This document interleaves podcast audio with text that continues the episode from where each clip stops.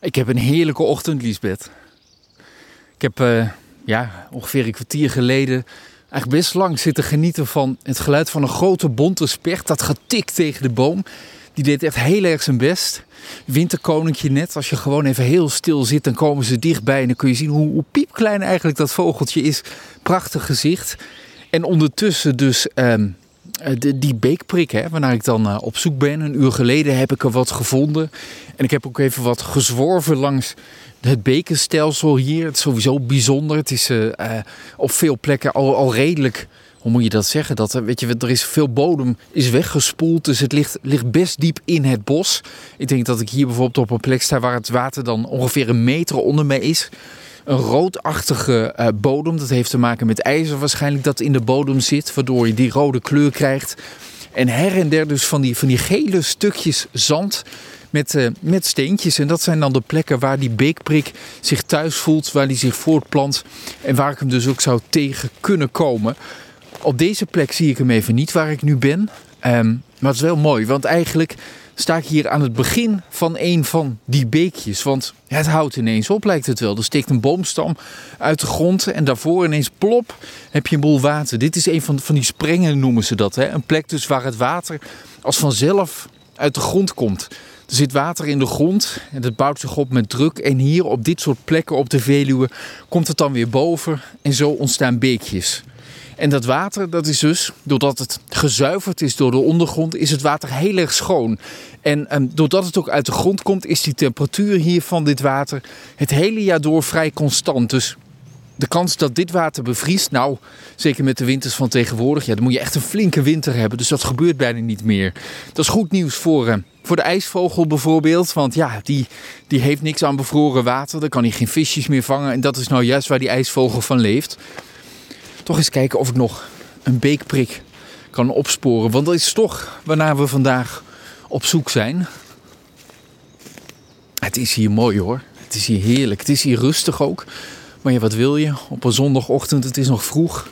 Dus veel mensen zijn nog niet op pad. En dan kun je toch heerlijk genieten zo van de natuur. hey, dit is ook bijzonder. Ik zag hier iets in het beekje springen. Dat je denkt, hé, hey, zou dat een visje zijn of wat dan ook. Of een kikkertje. Nou, een visje is het niet, zie ik inmiddels. Het is een kikkertje, maar het is een soort die ik eerlijk gezegd niet meteen herken. Het is een kikkersoort en hij is grijs. Ja, de meeste kikkers die ik ken die zijn of bruin of groen. Dat is toch ook leuk, want ik heb geen idee welke soort het dan zou moeten zijn. Hij zit heel rustig in het water, houdt mij ongetwijfeld in de gaten. Wat is dat water toch rood, hè? En nou had ik het uh, toen net over, uh, over de ijsvogel. En dat het water niet bevriest, dat dat goed nieuws is voor de ijsvogel. Um, maar je hebt hier dus ook die steile wanden.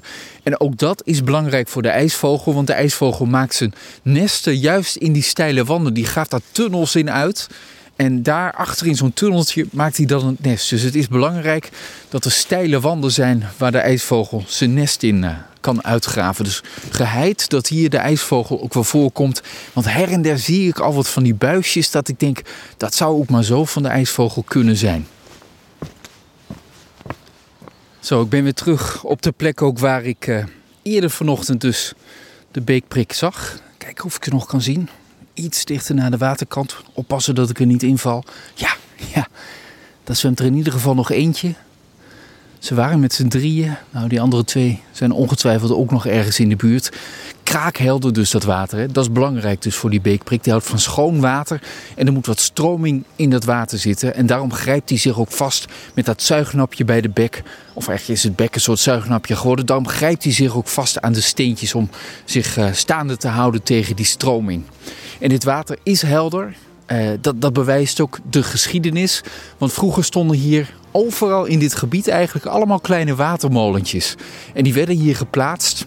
A, omdat het water stroomde. Sterker nog, veel van deze beekjes zijn uitgegraven. Maar die werden hier geplaatst omdat het water hier zo schoon en helder is. En dat was nodig om uh, het goede werk met die, uh, met die molens te kunnen doen. Want er werd hier bijvoorbeeld papier gemaakt. Ja, dat is wat hier op de Veluwe gebeurde. Helder water dus. Mag niet droog vallen. Dan gaat het allemaal goed komen met die beekprik hier de komende jaren. Normaal gesproken zou ik de boswachter of de ecoloog of met wie ik dan ook maar op pad ben bedanken voor een mooie ochtend. Nou, die is er niet bij. Maar ik kan wel de natuur bedanken voor een mooie ochtend. Want mooi was het. Dus dankjewel natuur voor een mooie ochtend.